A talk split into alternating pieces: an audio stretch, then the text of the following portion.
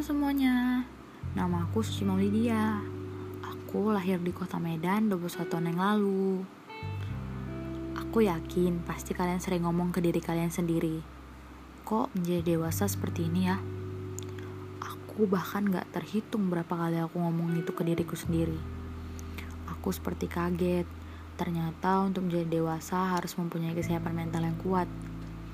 Kalau kata seorang penulis buku Carol Bryan, growing old is mandatory, but growing up is optional.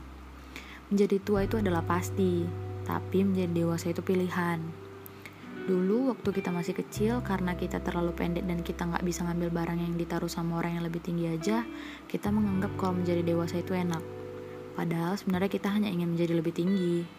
Soalnya ekspektasi kita kalau pas masih kecil itu orang dewasa itu hanya bersenang-senang, punya tubuh tinggi untuk mengambil sesuatu yang lebih tinggi, gak tidur siang, dan ke mana aja tanpa diawasi orang tua. Ternyata menjadi dewasa itu gak cukup hanya sekedar menjadi lebih tinggi dan diizinin ke mana aja tanpa orang tua. Menjadi dewasa itu harus mempunyai kesiapan mental yang kuat, bahkan menjadi berani aja gak cukup sih. Harus menjadi kuat dan tangguh juga. Aku tahu setiap orang punya masalah sendiri dalam hidupnya. Mungkin ada yang kehilangan pekerjaan baru-baru ini, harus bekerja keras untuk memenuhi kebutuhan hidupnya, harus mencari pekerjaan agar nggak diremehin orang lain, atau mungkin barusan patah hati kayaknya. Berangkat dari beberapa hal tersebut, juga akan memunculkan sebuah problem baru bagi hidup kita. Tahu nggak sih itu apa?